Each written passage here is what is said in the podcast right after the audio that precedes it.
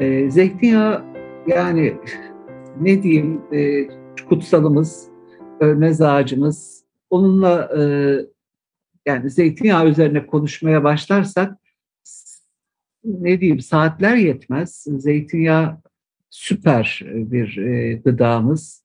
Zaten Onunla, bu konuda bir kitabınız var. Edremit'in anaları, anaları zeytin kokar. Zeytin kokar sofraları. Evet, evet tamam, yani tamam. zeytinsiz ve zeytinyağsız bir hayat düşünmek mümkün değil. Ee, yani o her şeyde var şimdi hatta. Siz Edremit zeytinyağını çok seviyorsunuz o zaman Ege zeytinyağını. Ee, evet Ege, Ayvalık, genel olarak, Edremit yöresi. Genel olarak Akdeniz, Akdeniz'in bütün kıyı şeridi aslında Mısır'a kadar e, zeytin açısından çok zengin hem de kutsal kabul edilen bir bitki. Tabii, tabii. E, kutsal kitaplarda da çok zikredilen, kutsal kabul edilen bir şey. Peki o kitapta ne anlatıyorsunuz? Zeytin, Edremit'in anaları, zeytin kokar sofraları. E, dinleyicilerimizle paylaşmak ister misiniz biraz ipuçları? Elbette. Tabii tabii paylaşırım. Çünkü e, severek yazdığım bir kitap. E, o bölgede e, bir yine 8-9 sene, 10 seneye yakın e, yaşanmışlığım da olduğu için sıkı fıkı araştırmalar yapma şansına sahip oldum. Edremit yöresi, e, işte e, bütün Kaz Dağları bölgesi, Bayramiç'e kadar olan, Çanakkale'ye kadar olan e, yöreyle ilgili güzel araştırmalar yaptım. Keyifliydi çok. Köylülerle, dağ köyleriyle, e, çok güzel muhabbetlerimiz oldu köylülerle. Onların sofralarına oturmak, onlarla muhabbet etmek, kadim bilgilere ulaşmak e, son derece keyifliydi.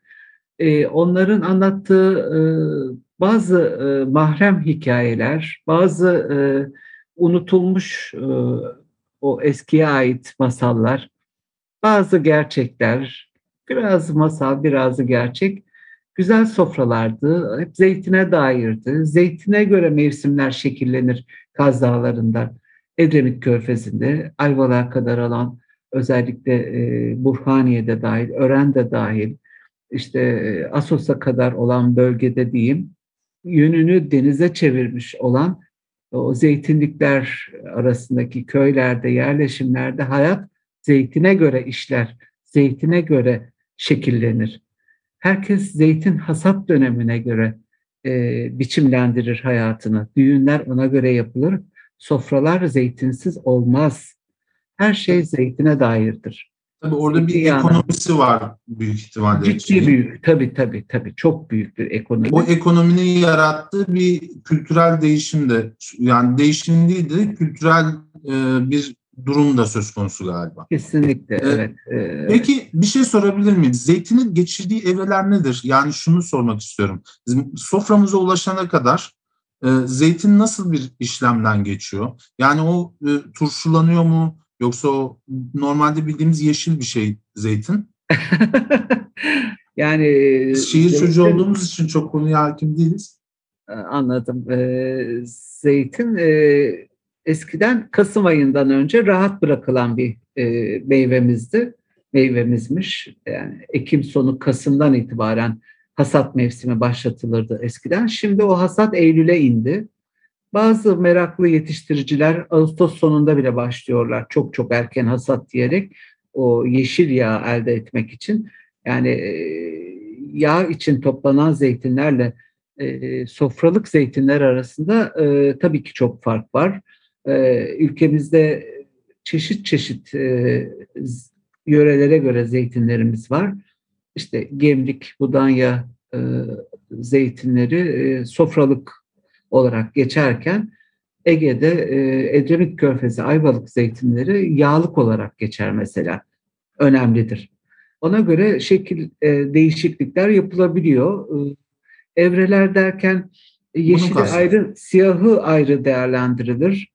E, her ikisinin de toplama zamanı farklıdır. Ekim, Kasım gibi derken e, Aralık, Ocağa kadar uzayan bir süreçtir.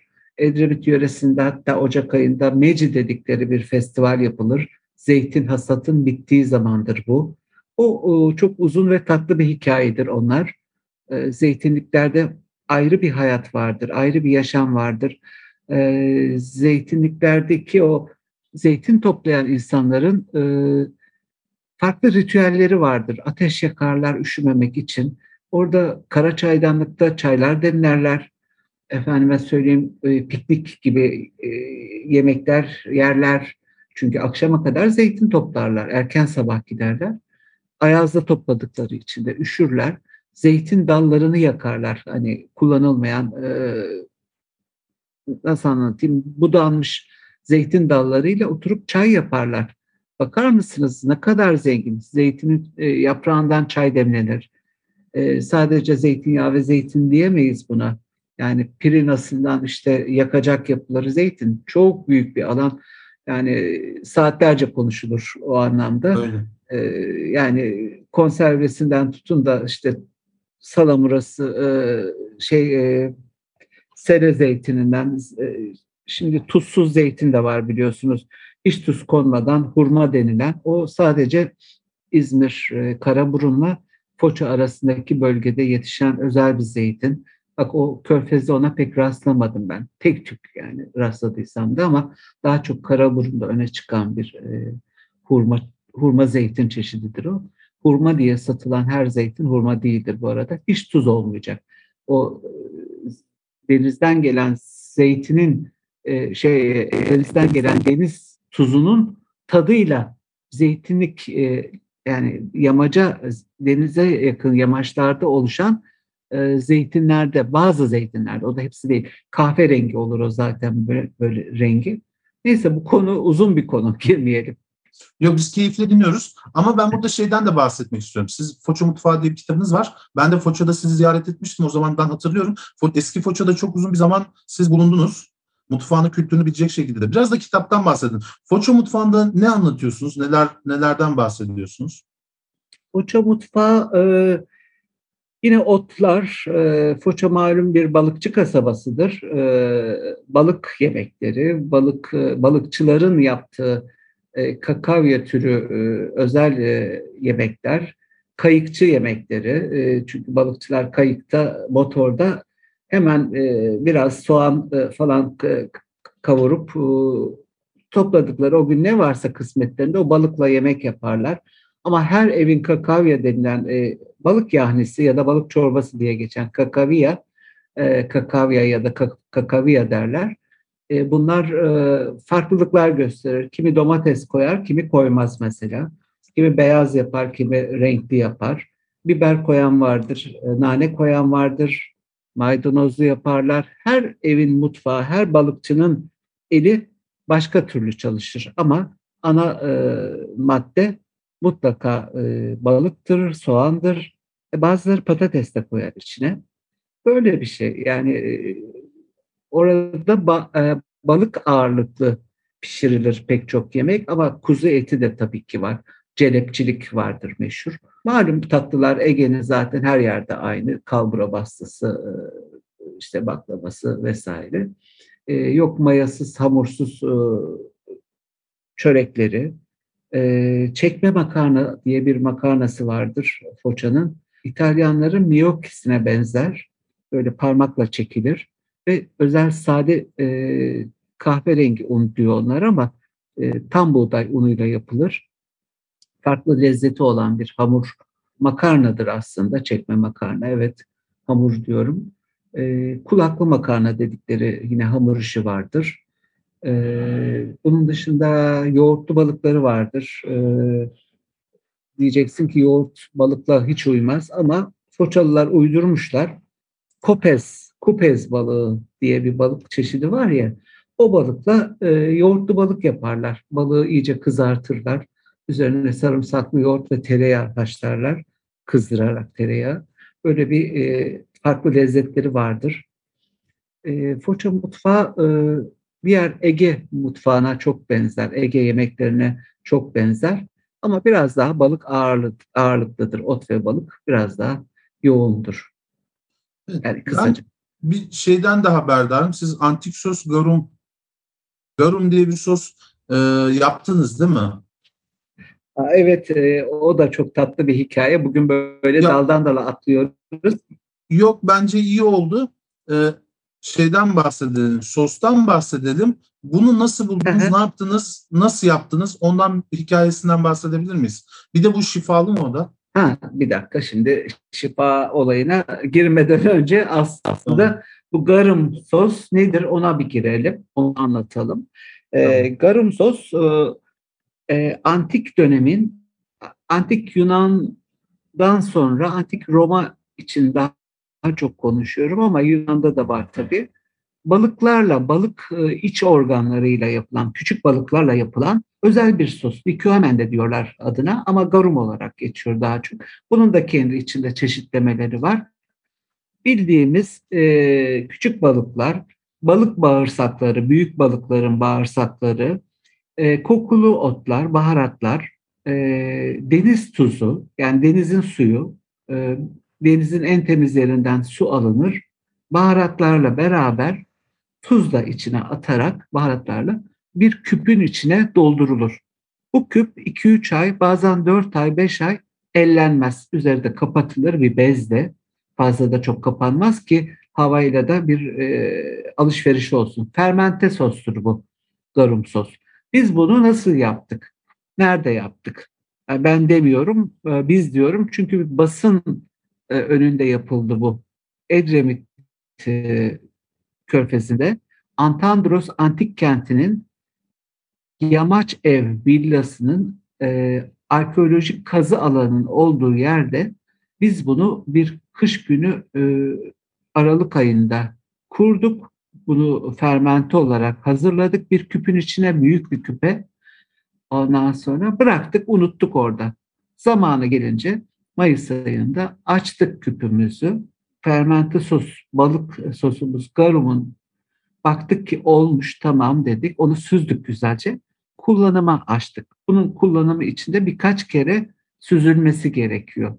Yani bez, bezden ve e, ince delikli e, Amerikan bezi gibi bezlerden birkaç kere süzerek, dinlendirerek e, bu sosu kullanıma aldık. Bir antik yemekler gecesi düzenlemiştik, düzenlenmişti. Antandros Derneği yine Kaz Dağları'nda Güre'de bir yemek düzenlemişti. Basın falan da vardı o zaman. O yemekte bir sunum yapıldı antik yemeklerle. Yine Erhan Bey ile arkadaşım Erhan Şeker'le beraber hazırlamıştık onları. Böyle bir çalışmamız var geçmişte. Bu garum sos tuzun olmadığı, tuzun en az seviyede ve çok pahalı olduğu 2000 yıl öncesinde çok kullanılan bir sos. O zamanlar buzdolabı olmadığı için e, yemekler çabuk tadını değiştirebiliyormuş. E, tuzlamak da gerek ama tuzlanamıyor bazı etler özellikle et yemeklerinde kullanılıyor. E, tuz çok pahalı olduğu için bu garumu yapmak daha e, kolay mı geliyordu, ucuz mu artık bilemiyoruz o zaman. Ama bildiğimiz tuz pahalı, garum sos tuz yerine geçiyor. Çünkü tuzlu suyla yapılıyor. Deniz tuzuyla yapılıyor. Yine içine tuz da konuyor. Ee, her yemeğe hemen hemen bu garum sosu kullanmışlar e, antik çağ insanları. E, hemen hemen benim yemek araştırmalarımda bakıyorum. Bu Apikus'un yemeklerinde falan her yemekte var. Şarap, e, garum, zeytinyağı ve bal antik dönemin e, demirbaşları. Bunlarsız hiçbir şey olmuyor. Şıra ve şarap da şey şıra ve e, sirkeyi de ilave edebiliriz bu e, garum e, ve şeye mesela anlatayım bal, zeytinyağı, garum sos e, üçlüsüne diyeyim artık. Evet sirke ve şarabı e, şırayı da ilave edebiliriz. Bal zaten her yemeğe bir parmak birazcık konuyor. Böyle yani e, garumun e, özelliği bu. Çok güzel. Her yemeğin tadını getiriyor. Ha, öyle bir de tat yani tadı da güzel değil mi? Tadı güzel. Yani tadı güzel Hmm. derken bir yemeğe katıldığında Yani modern güzellik. insana yabancı gelmiyor tadı. E, modern insan e, uzun süre bunu kullanmadı. E, bunun yerine e, yosunlardan yapılan e, Japonya'nın e, ve işte Çin'de kullanılan e, bu şey soya sosu öne çıktı. Bizim yüzyılımızda ve önceki yüzyıllarda yani son dönem yüzyıllarda e, daha çok soya sosu öne çıktığı için garum rafa kalktı. E, muhtemelen çok fazla pratiği olmadığı düşünüldü ve tuz tabii zaten e, öne çıktı artık e, tuz kullanılıyor. Garuma herhalde gerek kalmadı ama yeni yeni antik çağ yemekleriyle ilgilenen aşçılar, e, ilgilenen şefler garuma önem vermeye başladılar. Kendileri de yapmaya başladılar yavaş yavaş. İşte biz de denedik. Bunu 5 yıl önce yaptık zaten Antandros Derneği'nin e, kazı alanında. E, Antandros Derneği ile. Ondan sonra e, pek çok meraklı kişi dünya üzerinde bu garum sosu denemeye başladı son yıllarda. Yaşatılmaya çalışılıyor artık. Çok iyi. Yani uzak doğuda başka türlü şeyler var. İşte soya sosu var onun tabii, dışında. Tabii. Bir de bu var. Çok güzel Ege yani Ege ve Akdeniz'e özgü bir sos. Çok önemli. Burada bir şey daha sormak istiyorum. Şimdi e, mutfak kültüründen bahsettiğimiz zaman mutfaktaki araçlar, gereçler, malzemeler e, de giriyor işin içine. Antik e, antik kentleri gezdiğinizden, müzelere baktığınızdan, e, şeylerden ve işte garum sos gibi bugün geçmişten günümüze gelen tatlardan bahsettiniz. E, ne gibi farklılıklar görüyorsunuz? Eski çağda olup da bizde olmayan veya bizde olup da onlarda olmayan mutfak araçları, gereçleri nasıl değiştirdi, nasıl yaptı? Ege ve Akdeniz mutfağı nasıl değişiyor? Bunlardan da biraz bahsedebilir miyiz? Tabii. Yani eskiden e, daha ziyade e, çömlek dediğimiz e, işte seramik e, bu tabaklar diyeyim artık seramik çok kullanılmış. Bakır kaplar çok var. Zaten Antik Roma'da bir dönem bundan zehirlenmeler olmuş e, bakırdan malum. Bakır kupalar, metal öne çıkmış. Ama cam sonraları artık İsa'dan sonra diyeyim daha fazla öne çıktı cam milattan sonra 2 200'lerden sonra falan cam o zaman da vardı yeşil cam özellikle ama en fazla kullanılan e, bakır şimdi de var. Çatal yok o dönemde. Kaşık var. Değişik kaşık modelleri, bıçaklar.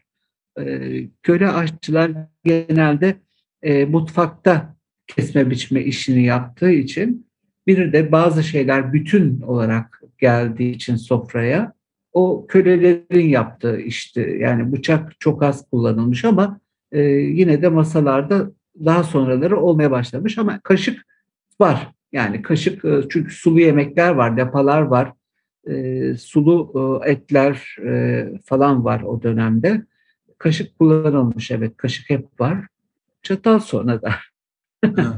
ee, böyle güzel. diğer şeyler işte üç, üç sacayak, sacayak ayağı dediğimiz e, böyle üçlü oturtma, ocağın üstüne oturtma e, olarak e, geçen metal e, demirden, demir e, üçgen şeklinde sacayak ayakları var. Onun üzerinde yemekler pişirilmiş.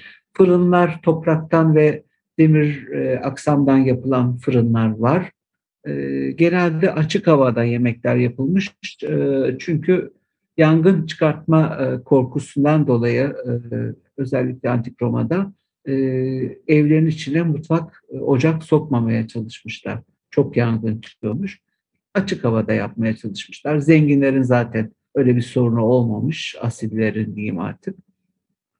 E, günümüze kadar e, amforalar geldi. Zeytinyağı ve garum e, şarap taşıyan amforalarımız zaten hep var, hep bulunuyor. Bütün müzelerimizde, antik kentlerimizde e, gördüğümüz şeyler, e, aksesuarlar, kullanım eşyaları. Müzeleri gezdiğimizde görüyoruz o büyük kepçeleri, büyük kazanları, e, işte askıyla asılıp havada e, askıyla asılıp ocağa uzaktan pişiren e, bir şey düzenekler var. Yani ben müzeleri gezdiğimde o bölümlerin önünde fazla duruyorum zaten. Bakıyorum küçük bir kap gördüğümde acaba bu ne gözyaşı şişesi mi, işte bir sosluk mu, içine sos mu koyuyorlardı, zeytinyağı mı koyuyorlardı, e, sirke mi koyuyorlardı bilemiyorsun veya şarap mı konuyordu. Amforalar dışında sofraya getirmek için e, farklı şeyler, objeler görüyoruz tabii ki. Yani onları okuyup araştırıyoruz ne işe yaradığını. Her müzede bir altına yazmıyor. Harika. Böyle. Ee, ben şunu sormak istiyorum. Aslında son iki sorum benim. Ee, son sorum biraz geniş bir soru olacak. Ama e, öykü kitabınızdan bahsetmek istiyorum. Öyküye nasıl başladınız? Öykü hevesini nasıl e, tattınız ve ne üzerine yazıyorsunuz, neler yapıyorsunuz? Biraz okuyuculara belki ipucu da verebilirsiniz. Öykü yazmayı seviyorum. Özellikle kısa öyküleri. Yani günlük Hı-hı. hayatımda da bunlara çok yer veriyorum zaten. Köşe e, yazılarımın içine de sokuşturuyorum arada bir. Ee, kendi e, sitemde de bunu yazıyorum. Dergilerde de zaman zaman çıkıyor öykülerim. Ee, öykü kitabımda e, yaşlı bir çiftin e, dayanışması, hayata duruşu, çocuklarıyla olan ilişkisi, e, yaşama sevinçleri var. Kısa kısa. Okuyanlar e, son derece sevecen buluyorlar. Örnek aldıklarını düşünüyorlar. E, böyle bir yaşlılık diliyoruz kendimize diyorlar. Dediğim gibi o Dur Biraz Oturayım isimli bir öykü kitabım var bu anlamda. Yani bundan sonrası ne olur? Dur biraz uzanayım, yatayım mı olur? Kalkayım yürüyeyim mi olur artık bilemiyorum ama olur mu olmaz mı? Sonuçta dur biraz oturayım keyifli bir öykü kitabı. Evet ben severek yazdım. Yazmayı seviyorum malum. ama e, araştırmalardan fırsat kalmıyor tabii. Yemek yazmayı, araştırma yapmayı daha çok seviyorum. Araştırmaya daha çok önem verdiniz. Ya öykülerinizi de e, ilgili mutlaka okuyanlar, takip edenler. Hem de Foça zaten öyle çok kültürlü, çok edebiyatçıların çok geldiği, kaldığı şey bir yerde. Sizin de öykünüz, öykü kitabınız tabii ki çok güzel. Şunu sormak istiyorum. E, o dinleyicilerimize, amatör gastronomlara, gastronomiyle ilgilenen amatör dinleyicilerimize ne öneriyorsunuz? Ege'de ne yapsınlar? Akdeniz'de ne yapsınlar? Nasıl bu işleri takip etsinler? Ve nasıl e, Aşçı Fox sitesi gibi bir site kurabilirler de Nurdan Çakır Tezgin gibi bu işlere epeyce e, vakit ayırıp da uzmanı olabilirler. Merak, her şey merakla başlıyor. Heyecanla, merakla. ilgi alakanın e, ne yöne gittiğiyle alakalı her şey. Eğer ki yemeğe bir merak varsa, yemeği yemeğin farklı alanlarına işte otlar, etler, hamur işleri, tatlılar hangi alana merakı varsa kişi oraya kayıyor zaten. Bazen hepsini birden istiyor. Ee, ilgi alanına giren e, yerlere doğru eğiliyorlar. Ee, bir yerden başlarsanız arkası geliyor zaten. Ege'de neler yapılır, nasıl yaparlar? Valla ben e, Ege'yi yaşamak isteyenlere daha ziyade kışlarını öneriyorum, baharlarını öneriyorum. Yani yazın sıcağında e, Temmuz Ağustos'ta gidilen bir yer olmamalı Ege ve Akdeniz. E, yani e, bence e, Nisan'ı Mayıs'ı da çok güzel. E, Mart'ı da güzel. E, işte sonbahar, Ekim'i, Kasım'ı harika. E, Ekim, Kasım'da olan meyve, sebze ve e, baharatlı e, otlar farklı. Yani yemeğe düşkün veya yeme meraklıları, gastronomi konusunda bir şeyler yapmak isteyen insanları ben özellikle ilkbahar ve sonbaharda Ege'yi, Akdeniz'i gezmelerini öneririm. Pazarlarını özellikle. Ben pazar gezmeyi çok seviyorum. Dağ bayır gezmeyi severim de ama pazarlar bambaşka. Yani bir e, Edremit Körfezi'nin pazarlarını gezmeye kalktığınızda e, çok şey öğrenirsiniz köylü kadınlardan. Yerel e, tatları, otları, işte mesela bir cuma günü e, Havran pazarı vardır. Akçay pazarı vardır. Bir de Küçük Kuyu pazarı vardır. Cuma günü. Bunlar hepsi e, toplasanız e, 45-50 dakika mesafededir birbirine. Yani bir günde neredeyse üç pazara da gitme şansınız var. Hadi gidemediniz iki pazara gidin. Büyük pazarlar bu bahsettiğim. Havran'ın merkez pazarı. İşte Akçay'ın e, merkez pazarı. Küçük Kuyun keza. Küçük Kuyu'na küçük kuyuya şeyden de dağ köylerinden de inerler hele. E, farklıdır hepsinin e, zenginlikleri, sattığı meyve sebzeler, dağ e, meyveleri, orman meyveleri, pazarları gezmelerini öneririm ben. E, yeme içme meraklıları için öncelikle. Ege'de, Ege'de yemek ve kültür arasındaki ilişki pazarlarda kuruluyor sanırım. Kesinlikle. E, restoranlara çok azı yansıyor. Keşke olabilse. Şimdi Balıkesir'in Edremit yöresiyle alakalı bir, bir takım çalışmalar yapılıyor gastronomi anlamında. Biraz daha turizme açılmasını istiyorlar. isteniyor daha doğrusu. E, yemeklerin, yerel yemeklerin, otların e, turizme açılması istendiği için bir takım çalışmalar başladı. Ama restoranlardan ziyade pazarlardır e, yemek kültürünün e, nabzının attığı yerler diye düşünüyorum.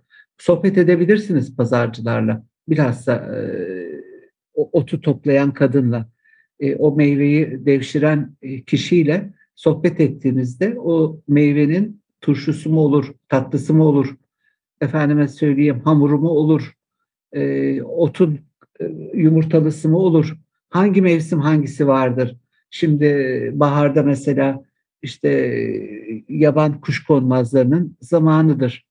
E, tilkişen derler, işte tatlı filiz, acı filiz, e, avronyaz derler, asparagus derler. E, değişik değişik isimleri olan yöreye ve e, Latince isimlerine göre değişen otlar vardır. Tam bahar zamanı Nisan-Mayıs mesela şimdi. E, ben de heyecanlanıyorum bunları anlatırken. Niye? Ben de e, bir an önce o pazarlara gidip bunlardan demet demet almak, icabında kendim de gidip toplamak istiyorum. Gastronomi ile ilgilen e, o güzel insanlara tavsiyem şudur ki önce yerel pazarları gezsinler. Ellerine bir sepet alıp yerel pazardadır dolaşsınlar. Meyvesi, sebze, otuyla, çöpüyle her şey orada. Baharatlarıyla. Harika. Ee, ben bugün gastronom Nurdan Çakır tezgini ağırladım. Ee, kendisi yemek ve kültür ilişkisi üzerine konuştuk. Ama özellikle Ege özelinde konuştuk. Kendisine çok teşekkür ediyorum tekrar. Programı burada bitiriyorum. Herkese iyi günler.